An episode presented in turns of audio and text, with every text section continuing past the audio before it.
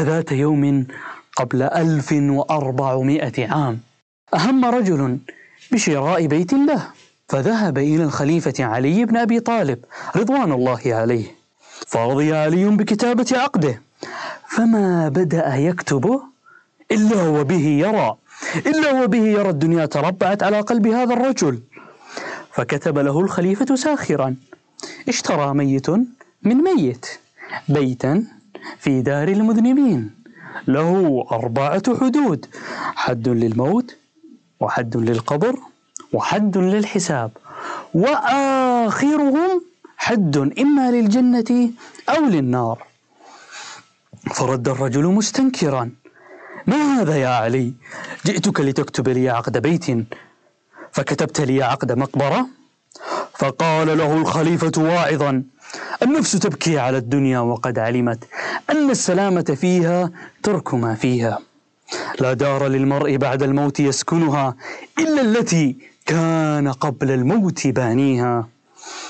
فإن بناها بخير طاب مسكنها وإن بناها بشر خاب بانيها. أين الملوك التي كانت مسلطنة؟ حتى سقاها بكأس الموت ساقيها. أموالنا لذوي الميراث نجمعها ودورنا لخراب الدهر نبنيها.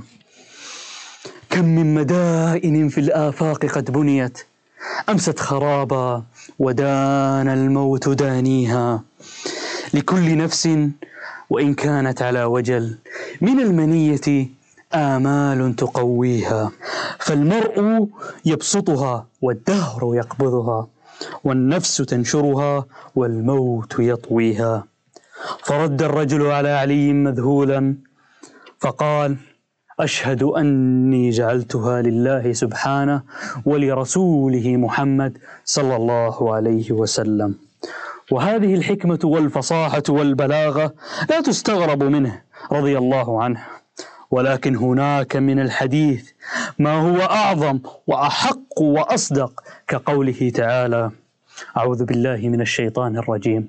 واضرب لهم مثل الحياة الدنيا كما كماء إن أنزلناه من السماء. فاختلط به نبات الأرض فأصبح هشيما فأصبح هشيما تذروه الرياح.